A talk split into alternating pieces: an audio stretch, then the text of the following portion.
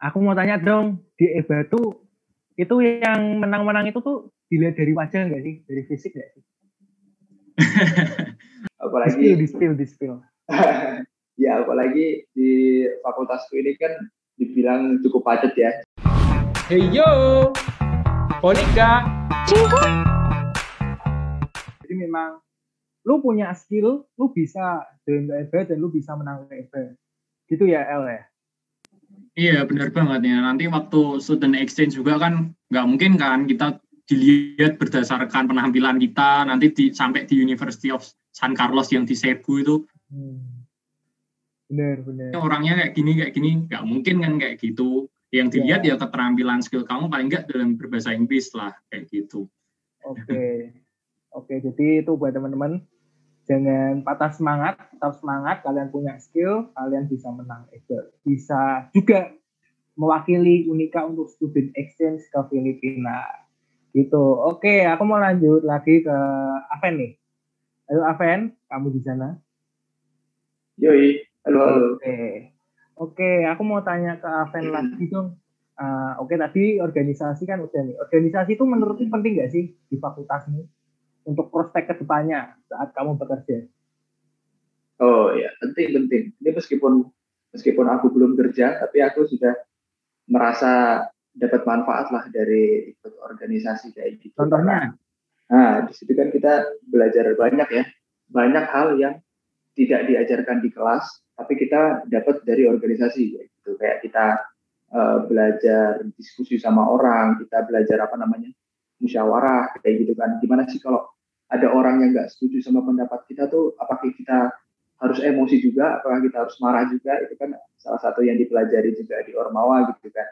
Terus kalau ada orang yang berpendapat tapi kita nggak setuju, gimana sih cara menyanggahnya kayak gitu. Terus kalau hmm. kita dikritik, dikritik sama orang, terus kita responnya kayak gimana sih? Itu contoh-contohnya kayak gitu. Terus kalau misalnya kita dapat kesempatan jadi pemimpinnya gitu ya, jadi ketuanya itu ya, itu makin makin seru lagi, makin menantang lagi karena uh, makin banyak ketemu sama orang, makin banyak uh, gimana caranya uh, memimpin suatu organisasi, satu kelompok dengan karakter yang beda-beda. Meskipun kita satu fakultas kan, tapi karakter orang aja masing-masing udah beda kan. Apalagi kalau ya. sampai kita harus memimpin orang yang lebih senior daripada kita. Nah itu aku pernah tuh, itu canggung banget, itu canggung banget. Tapi akhirnya karena ikut Ormawa ini akhirnya belajar juga kan oh ternyata gitu ya caranya memimpin dia memang lebih senior daripada aku dia lebih berpengalaman daripada aku tapi aku harus jadi pemimpin untuk dia. Nah gimana caranya? Itu kan lama-lama kita belajar juga. Karena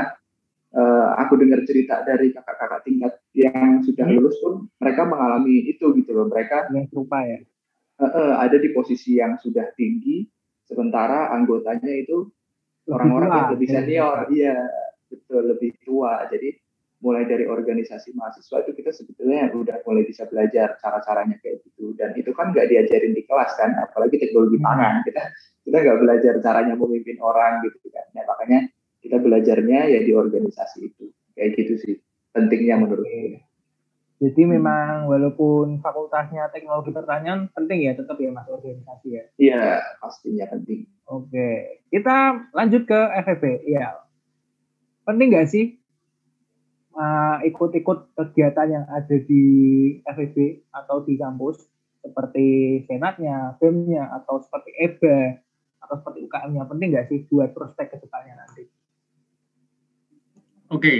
uh, uh, menurutku sih gini Den, uh, pentingnya itu penting. Aku setuju sama yang dikatakan oleh Kak Aven tadi ya. Dan mungkin aku melengkapi dari yang hmm, melengkapi aja sih dari yang sampaikan Kak Aven. Jadi penting banget dan Kak Aven tadi juga bilang menantang, challenging. Jadi masuk organisasi itu, tapi justru challenge-nya itu yang nanti bikin kita itu tambah kuat dan tambah skillnya gitu. Hmm. Karena uh, skill dalam berorganisasi ini nggak bisa kita pelajarin di buku gitu loh nggak ada gitu walaupun buku teorinya ngatain misalnya A B C tapi dalam pelaksanaannya itu banyak banget faktornya dan itu nggak akan tertulis semuanya di buku kecuali kita sendiri yang terjun gitu dan uh, kalau pengalamanku sendiri mungkin uh, agak berbeda dari Kak Aven yang Ormawa ya kan kalau aku uh, ikut organisasinya itu yang awalnya itu dari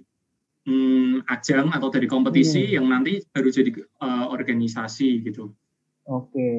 Uh, dan itu cukup uh, menantang juga karena kalau kita nggak kalau kita nggak menempatkan diri kita waktu apa waktu itu misalnya kita ah ini kayaknya semuanya kompetitor ini semua kayaknya hmm. pesaing deh itu susah sendiri nanti kitanya gitu loh dan itu ya. jadi apa jadi beban juga buat kitanya nah e, kalau mungkin jadi itu yang aku rasain sih dari di EBA sama di SOT ini kebetulan kan e, sistemnya sama dari seleksi atau ajang kayak gitu dulu terus nanti jadi satu organisasi yang penting kalau menurutku adalah kita sadar sih uh, mikir aja langsung kalau aku udah ngelakuin yang terbaik hmm. jadi uh, nothing tulus gitu dan akhirnya toh akhirnya aku juga akan menjadi satu organisasi gitu jadi hmm. vibes-nya bukan persaingan tapi uh, udah uh, kayak sharing aja secara sehat kayak itu apa sih yang Jadi kamu punya ya? insight ya sebagai keluarga boleh juga tuh yang diomongin sama Daniel. Jadi hmm. apa sih yang kita punya, yang kita tahu, kita sharing aja. Oh dari teman kita yang di misalnya di EBA atau di SOTI, oh mereka punya ini nih, oke ya kita belajar dong dari mereka gitu.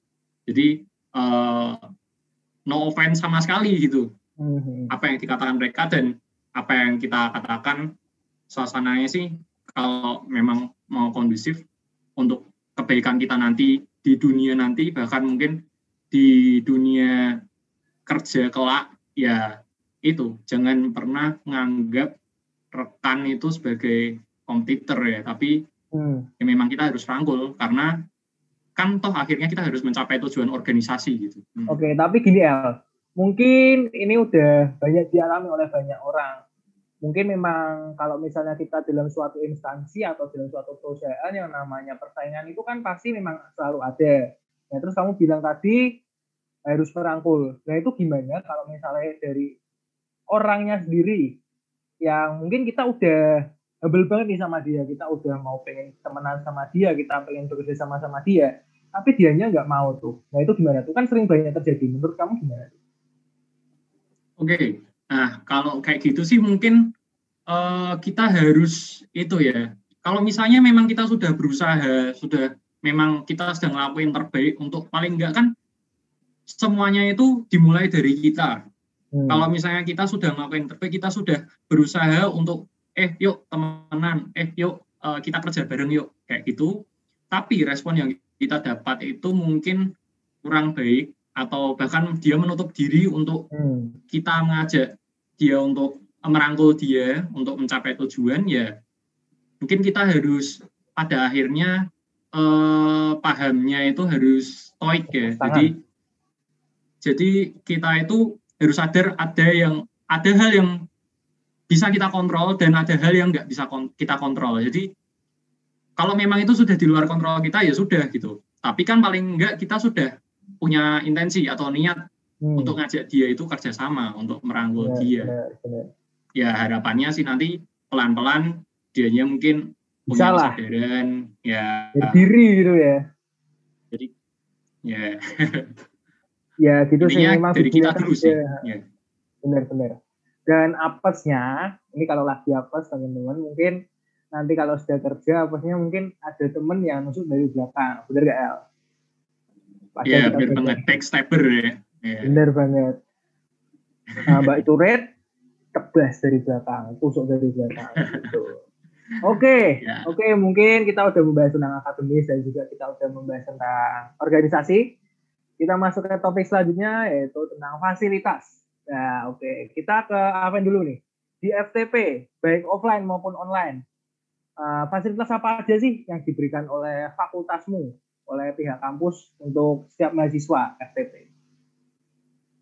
Oke, kalau online dulu kali ya. Kalau online hmm. ini sebetulnya mungkin sama sih sama teman-teman dari fakultas lain kita tetap pembelajarannya kebanyakan lewat cyber itu lewat Cyber Unika. Jadi kelas online lewat situ, nanti ada penugasan, ujian macam-macam juga lewat situ. Terus uh, itu kalau online ya kayak gitu aja. Terus kalau offline-nya itu kita uh, normal di kelas-kelas kayak gitu ada kalau FTP itu uh, kelasnya ada di gedung Justinus sama gedung Albertus kayak gitu. Jadi okay. di Justinus sendiri kita ada tiga kelas, di Albertus satu kelas. Nah sisanya itu tinggal laboratorium aja.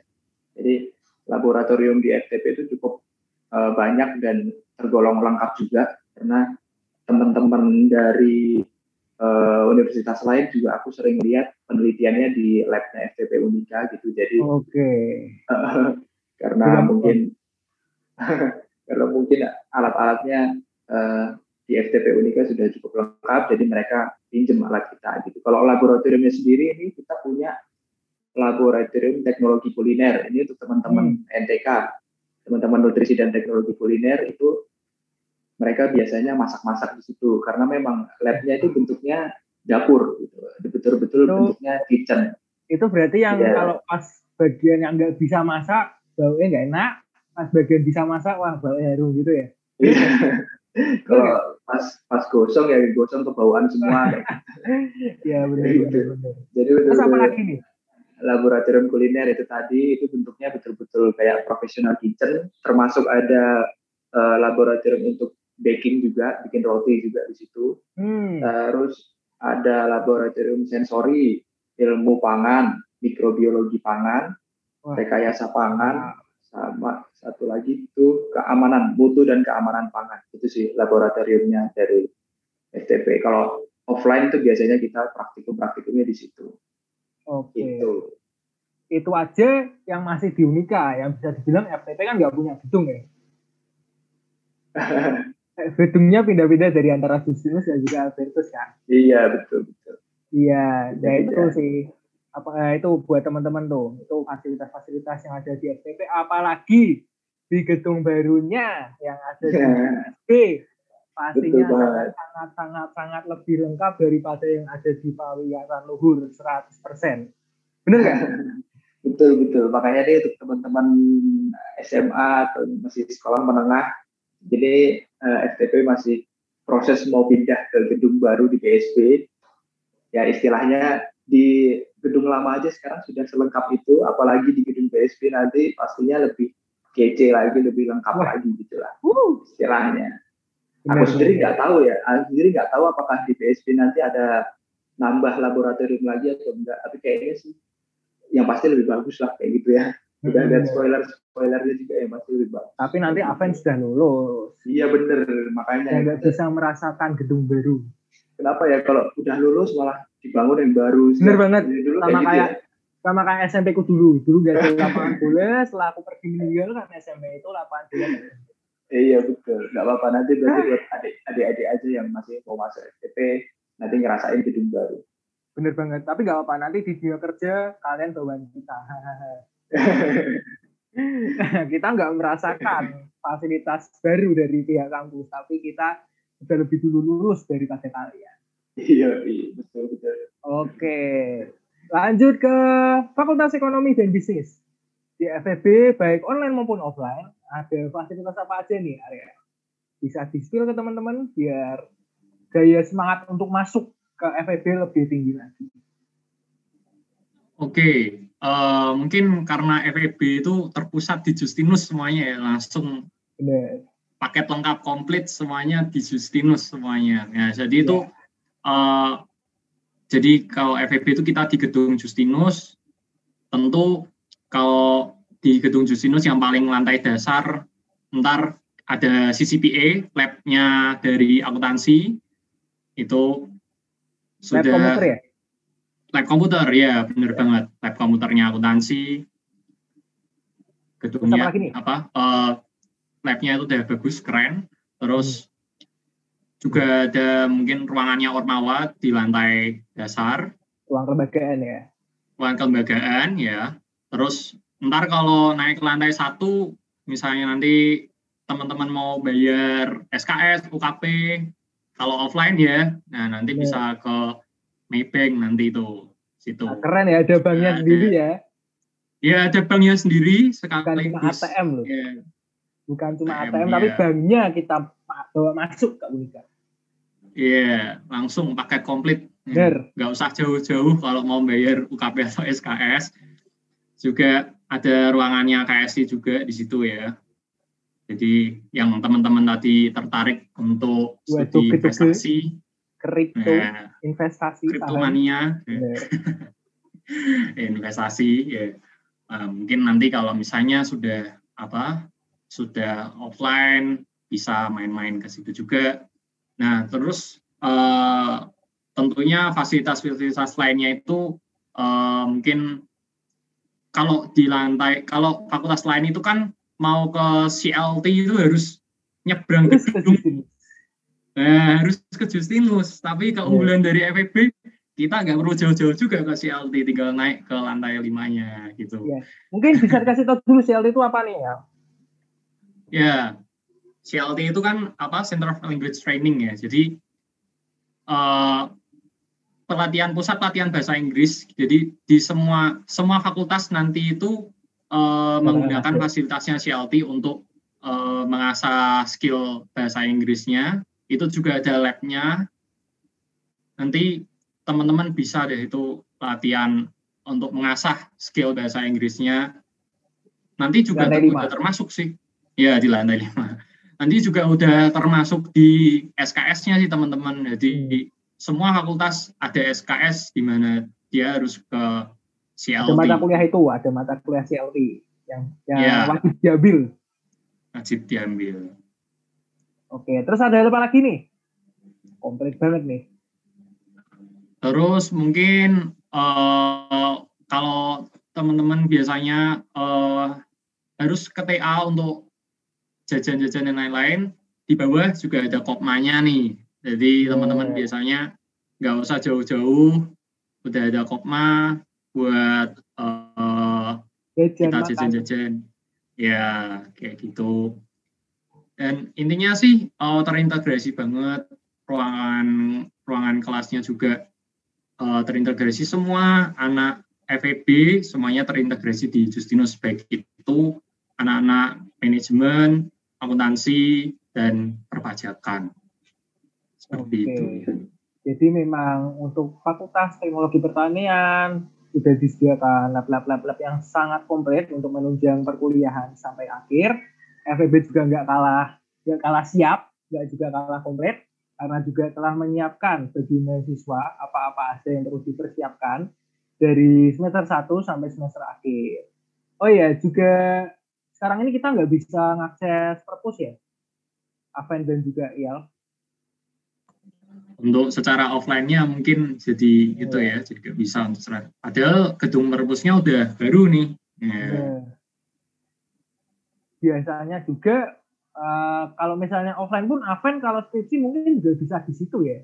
Betul betul bisa nyari bahan-bahan tulisan ya ke perpus kan. Tapi ya udah iya. karena karena online online kayak gini ya udah mengandalkan laptop sendiri untuk cari-cari yeah. referensi kayak gitu. Benar banget. Oh ya, juga FYI buat teman-teman yang ada di rumah, for your information aja. For your information aja, kalau mahasiswa-mahasiswa lain atau mahasiswa-mahasiswa di luar Unika juga sering datang dulu waktu offline, sering datang ke perpustakaan yang ada di Unika. Gitu. Oke. Okay. Yeah. Oke, okay, mungkin ini terakhir. Aku mau tanya ke Aven dulu uh, untuk mencapai yang namanya kelulusan tuh ada tahapannya apa aja sih? Oh oke. Okay. Kalau di FTP untuk mencapai kelulusan itu secara garis besar ya itu ada uh, empat ujian yang harus dilewati gitu ada empat sidang. Makanya kalau kalau FTP itu habis sidang tuh biasanya selamat satu per empat, selamat dua per empat, tiga per empat hmm. kayak gitu. Karena itu maksudnya udah selesai menghadapi ujian keberapa kayak gitu kan. Nah kalau hmm. empat ujian itu, yang pertama itu namanya ujian kerja praktek. Jadi itu kita eh, semester berapa ya? Kalau nggak salah semester lima atau enam gitu, itu kita eh, melaksanakan kerja praktek. Kalau bahasa awamnya mungkin PKL gitulah ya, praktek kerja hmm. lapangan. Itu di eh, di perusahaan-perusahaan pangan itu kita uh, dipersilahkan untuk cari sendiri perusahaannya apa. Dan setelah itu kita ambil topik dari perusahaan itu yang selanjutnya nanti akan diujikan di sidang oh. KP itu. sidang KP itu ujian yang pertama ujian yang kedua itu nanti kita eh, namanya sidang proposal proposal skripsi.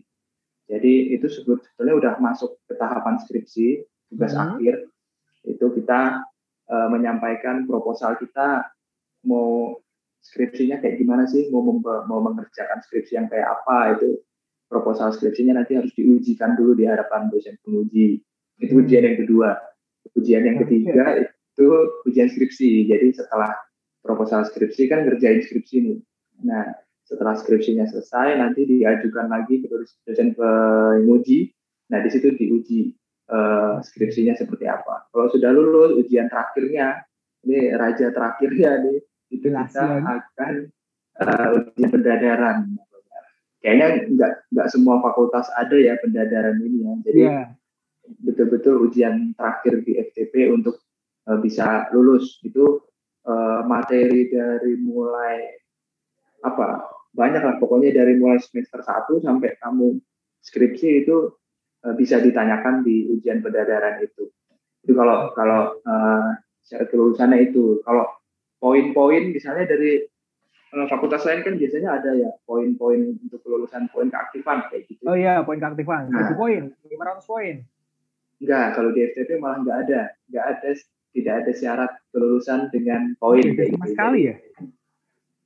Nggak ada sama sekali. Jadi aku iri. teman-teman mau ikut bem mau ikut senat mau ikut himpunan mau ikut KM kepanitiaan mau jadi asdos mau jadi uh, apa kayak bantu-bantu di fakultas ya terserah. Itu itu uh, atas niat ya, niat teman-teman sendiri tanpa ada paksaan tanpa ada embel-embel harus dapat poin sekian-sekian tuh nggak ada. Jadi untuk kelulusan tuh nggak ada yang namanya harus dapat poin sekian tuh nggak ada. Itu untuk syarat kelulusan ya. Tapi sekarang ini fakultas itu memberikan eh, penghargaan, penghargaan hmm. kepada mahasiswa teraktif. Jadi fakultas itu punya catatan sendiri. Eh, misalnya aku, aku pernah ikut kegiatan hmm. apa aja, oh, pernah di kepanitiaan ini, kepanitiaan ini, pernah di organisasi ini, ini, ini, oh, ini. Itu dicatat semua dan ada, iya ada poinnya tersendiri. Nah, poinnya itu nanti dijumlah untuk dijadikan penghargaan waktu yudisium. Kayak gitu. Apa itu yudisium? Jadi, yudisium itu kayak wisuda tingkat fakultas. Oh, itu seremonial iya, iya, iya. lulus lulus tapi di tingkat fakultas kayak gitu. Iya, iya, iya. Jadi kalau syarat poin untuk kelulusan tuh nggak ada, tapi ketika kamu aktif di fakultas, kamu bisa dapat penghargaan dari fakultas kayak gitu sebagai mahasiswa aktif. Hmm. Kayak gitulah kira-kira lah. Oke oke, jadi hmm. itu mungkin juga bisa dibacakan saat wisuda ya? Iya betul. Kan Mas biasanya kan nanti dipanggil. Nah, kalau wisuda online kan atas nama ini, terus ngapa-ngapain aja kan dibacain tuh. Iya betul. Dengan pujian. Nah pernah pernah dengar nggak, uh, Amen? Dengan pujian. Pernah. Nah, dengan itu. pujian itu kalau Ketua ini ya, tiga setengah. Nah, benar. Nah, itu juga menjadi salah satu poin plus kalau kalian ikut organisasi atau aktifan apa pun di fakultas. Iya, betul. Oke. Oke, kita beralih ke Fakultas Ekonomi dan Bisnis. Uh, gimana sih tahapan kita dari awal sampai lulus tuh, El? Oke, dan mungkin uh, aku menjelaskannya secara basic aja karena hmm. mungkin uh, kalau Kak Apen kan sudah menjalani juga nih proses untuk menjadi lulus karena kita aku sama Daniel ini kan baru mau ke arah sana tapi belum yes. menjalaninya. Doakan kayaknya. Ya, doakan. Jadi uh, pertama yang harus dipenuhi dulu sebelum nanti mencapai uh, 144 SKS itu kan kita harus menuhin yeah. poin keaktifan dulu ya Dan ya. Iya, nah, benar banget itu. Seribu lagi teman-teman. Tapi kalau. Seribu. Nah, bisa semangat. Nah, itu gimana menurutmu El? Uh, Penting nggak? Oke. Okay. Seribu poin. Uh, poin keaktifannya. Uh, uh, menurutku sih penting, tapi jangan dilihat hanya pada aspek memenuhinya ya. Jadi hmm. ah pokoknya aku seribu aku harus memenuhi aku ikut kepanitiaan aku ikut organisasi buat memenuhi seribu poin aja gitu Wah. Kalau menurutku itu akan lebih berguna kalau kita nggak punya mindset yang seperti itu hmm. sih akan lebih berguna kalau memang kita ikut organisasi tapi dari keinginan kita sendiri untuk mengembangkan yeah. diri dan juga uh, mungkin memberikan kontribusi ya baik dalam lingkup prodi, fakultas maupun universitas itu akan jauh lebih berguna buat kitanya sendiri dan orang lain dan itu akan mengurangi pressure sih kayak tadi kan Daniel bilang seribu lagi ya gitu. Padahal ya Daniel ini kan uh, apa Ormawa pasti karena keinginannya sendiri. Itu kan yeah. cuma joke saja joke saja buat anak FEB ya, tapi Daniel kan ya kan atau siapa pun anak yang misalnya mungkin uh, ikut kegiatan atau entah organisasi atau apa pun itu seharusnya kan kalau nggak mau pressure itu ya itu aja sih uh, mikirnya ini untuk pengembangan diriku for myself orang lain nah nanti karena kalau kita uh, mikirnya itu uh, cuma buat memenuhi seribu poin hmm. biar aku lulus gitu akan sangat berat itu beneran yeah. akan sangat berat kayak jokes yang dilontarin sama Daniel tadi gitu. Yeah. Or sebagian ada yang mungkin kayak gitu, tapi ya ya it's okay karena tiap orang itu kan uh, beda-beda, gak ada yang salah. Hmm. Mau pilih yang mana gak ada yang salah. Jadi lebih baik sih mindsetnya seperti itu, biar nggak berat seribu poin itu. Karena kalau mindsetnya kayak gitu sih kalau jadi aku sendiri mungkin malah lama kelamaan kita nggak sadar gitu. Oh, hmm. udah seribu poin ternyata ya kayak gitu. Karena seribu poin ini pun Eh, nggak uh, gampang Iya, nggak nggak full seribu poin loh. Ada poin hmm. wajib juga loh dari kegiatan yang wajib kayak kita pertama PTMB itu. Iya, dan wajib pun ada separuh. Nah, ada separuhnya kira-kira. Kalau nggak salah ya, tuh 470. Kalau nggak salah. 425 untuk eh, iya, yang 4, kegiatan wajib. Ya, ya, dan itu kan apa ya uh, sudah membantu lah gitu. Jadi mulai dari PTMB, ATGW, LKTD, jadi dan sebagainya kegiatan-kegiatan hmm. yang wajib itu sudah membantu kita sebenarnya gitu. Hmm. Kalau di FEB juga ada ELWO ya, sekarang yang jadi yeah. JU. Nah, itu yang sekarang jadi udah, online. Iya, jadi online itu sudah membantu gitu. 125 poin sendiri. Nah, berarti kan sisanya itu yang kita penuhin gitu. Seribunya itu untuk S1-nya untuk yang D3 misalnya orang perpajakan ya 750 gitu. Nah, kalau hmm. sudah nanti mungkin bisa baru lanjut kalau udah menuin apa namanya syarat SKPI. ya nanti di input di SKPI jangan lupa jadi sertif-sertifnya jangan sampai hilang guys Bener. filenya karena itu yang, yang nanti akan kita input di SKPI itu sebenarnya nggak cuma berguna di pencatatan SKPI di nanti kita aja buat urusan tapi waktu nanti kalau misalnya kita Lamar semua ini mau nah ngelamar kerja itu akan kelihatan di situ oh kamu udah pernah ngapain aja sih ya. misalnya dari Daniel nih kan apa aku udah pernah menjabat sebagai anggota senat mahasiswa universitas. Hmm. Nah, kan akan lebih bagus rapot kita di yes. mata orang gitu loh. Kita menjual diri kita lebih lebih ada bobotnya. Nah, itu menambah value dari diri kita hmm. sendiri kayak yes. gitu sih. Oke, okay. hmm. lanjut El. Lanjutannya apa lagi nih? Nah, mungkin kalau setelah itu nanti setelah memenuhi itu setelah input SKPI nanti mungkin uh, ada nanti validasi juga dulu ya untuk nah. syarat pengambilan. Jadi harus memenuhi syarat juga kan 144 SKS itu juga terdiri dari makul yang wajib Benar. yang harus kita ambil dan juga makul yang nanti konsentrasi itu yang waktu kita semester 5 bisa milih entah yeah. mau keuangan, SDM, pemasaran, operasi atau kewirausahaan gitu kita harus uh, memenuhi itu juga SKS-nya gitu. Ya, Nanti benar, untuk prosedur yang selengkapnya sih ya karena aku sama Daniel belum. masih juga menjalani ya hmm. belum belum ke arah sana tapi belum menjalani. Ya jadi mungkin nanti bisa lebih lanjutnya kita setelah berproses. Ya benar banget. Jadi nggak usah khawatir buat teman-teman yang udah ada di manajemen ataupun di prodi lain di FEB atau buat teman-teman SMA yang masih uh, pengen uh, pengen cari-cari fakultas mana atau prodi mana yang pengen diminati dan juga di FEB sendiri itu khususnya manajemen itu gini ya, tambahan informasi ya, L.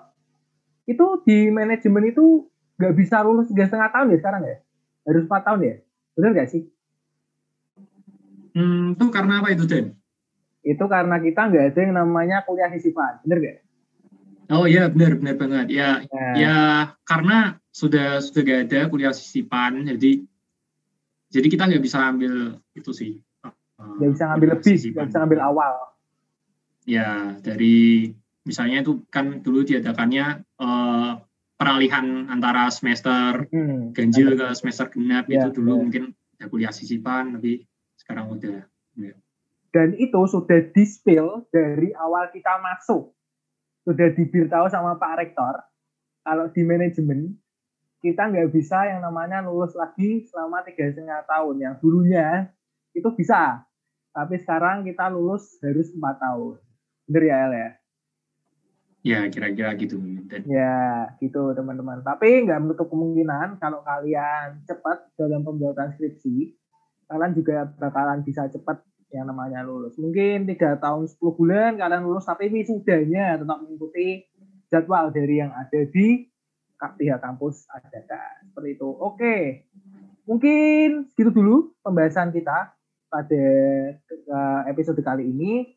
Mungkin ada kesan pesan dulu nih buat teman-teman yang ada di semester 1 maupun eh semester berapa ya? Semester 2 kalau semester satu kan nanti untuk mahasiswa baru.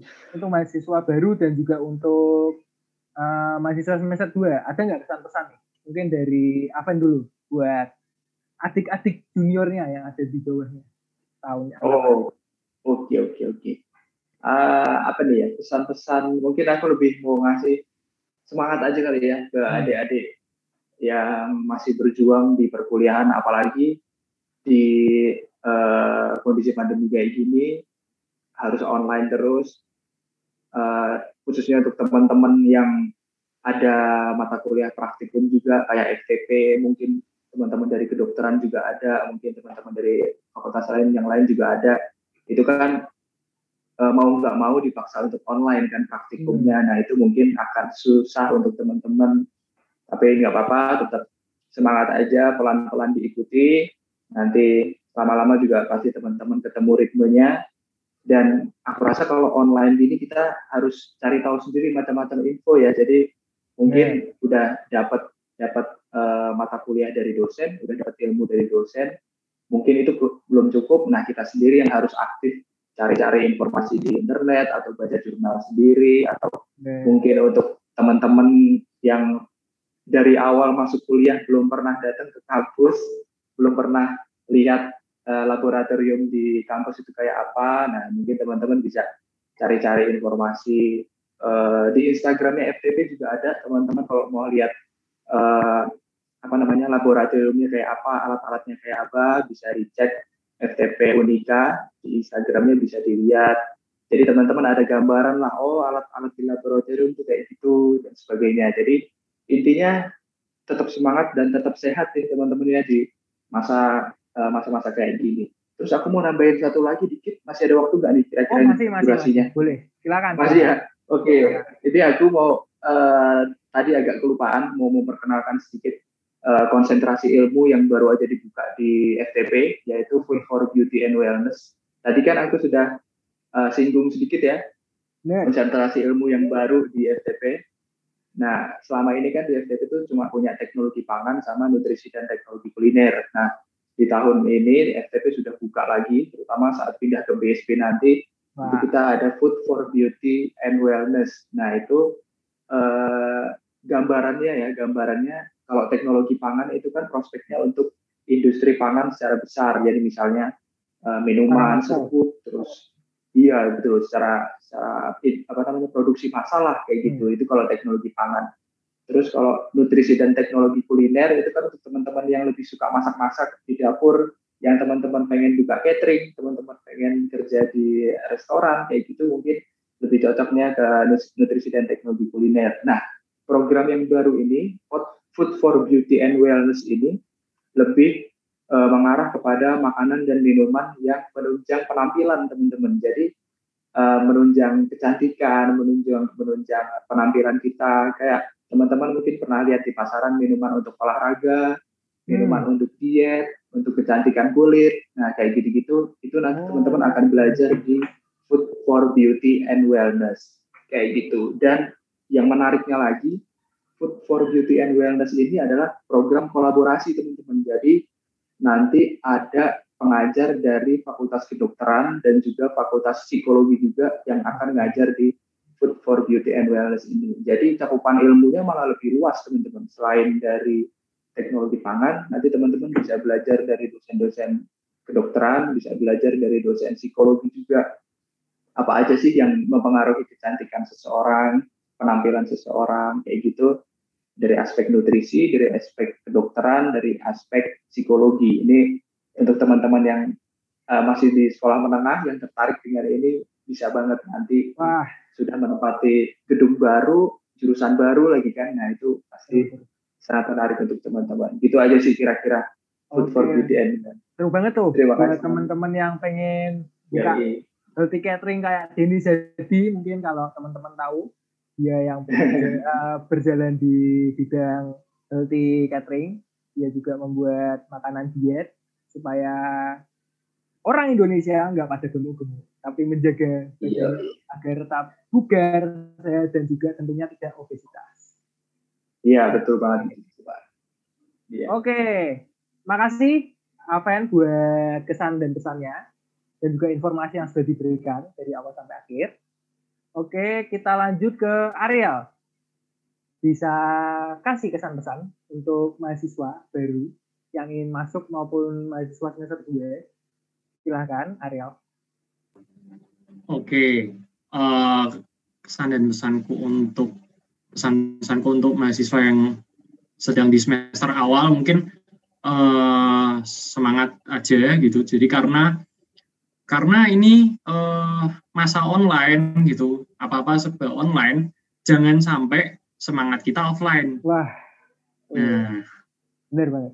Karena ini masa online, jadi semangat kita yang harus online, semangat kita harus on fire gitu jangan sampai masa online ini membuat semangat kita offline gitu kalau misalnya uh, di di FEB gitu waktu kelas dan apa ya mungkin memang memang sebagian sudah ngerasa capek ya mungkin di penghujung-penghujung uh, semester ini kan bentar lagi mau selesai nih semester ini. Tapi um, ingat kalau misalnya itu untuk pengembangan kita juga gitu. Itu bukan bukan cuma kuliah nantinya terproses jadi nilai yang nanti nilainya jadi IP tapi itu knowledge itu nanti kita pakai gitu loh. Mau hmm. nggak mau banyak, sedikit banyak pasti ada yang berguna gitu loh. Jadi apa pun itu kalau misalnya kita kuliah walaupun online kan sebenarnya online offline itu uh, esensinya nggak berkurang gitu loh. Materi yang diajarkan pun tetap sama hmm. esensinya. Ya jadi jangan dilewatkan gitu. Dan juga benar kata Kak Aven tadi aku juga setuju uh, harus kita harus menambah wawasan sendiri ya. Jangan jangan terus cuma dari uh, materi aja atau dari misalnya dari kuliah itu ngerasa oh udah cukup kok enggak ya tapi ingat karena kita juga ilmunya ilmu sosial uh, ilmu yang sangat fleksibel juga gitu loh. Gak ada sesuatu yang pasti. Banyak sekali faktor yang mengaruhi. Nah kita harus up to date juga tuh. Entah berita yang terkini, ilmu yang terkini itu harus selalu update gitu. Uh, orang aplikasi game aja selalu diupdate. Masa kitanya nggak diupdate gitu loh. Nah, okay. benar benar. Itu sih kira-kira. Nah mungkin uh, terus kalau misalnya aku mau nambahin sedikit info dari yang tadi nanti silakan. misalnya di di cut terus dipindahin ke situ boleh ya? Silakan, silakan. Oke. Okay. Uh, eh, jadi mungkin untuk teman-teman yang tertarik misalnya nanti mau ngembangin diri misal, misalnya mau mengembangkan diri untuk bisa next level mungkin bisa mencoba EBA nanti akan terasa skillnya baik skill public speaking maupun skill yang apa berbahasa Inggris skill speech in English. Terus nantinya kan dari FEB kalau misalnya terpilih menjadi EBA juara 1 dan 2 bisa maju ke SOTI. Nah, itu nanti di SOTI kan jadi perwakilan universitas untuk lomba-lomba yang bersifat akademik itu nggak cuma di kancah nasional aja ya, jadi juga bisa di kancah internasional. Oke. Jadi bisa nih dari teman-teman dari fakultas bawa nama fakultas di SOTI, terus habis itu bawa nama universitas Wah. nanti di nasional dan internasional gitu. Yeah. Dan itu nanti dibantu biayanya sama UNIF gitu.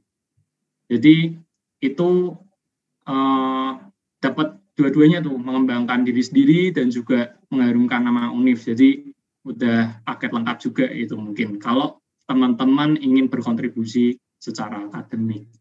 Kira-kira kayak gitu. Ya. Oke, udah ya. Udah, dan makasih. Oke, oke itu tadi pesan-kesan dari kedua guestar kita yang juga bisa dibilang adalah ketua atau senior di prodi dan juga fakultasnya.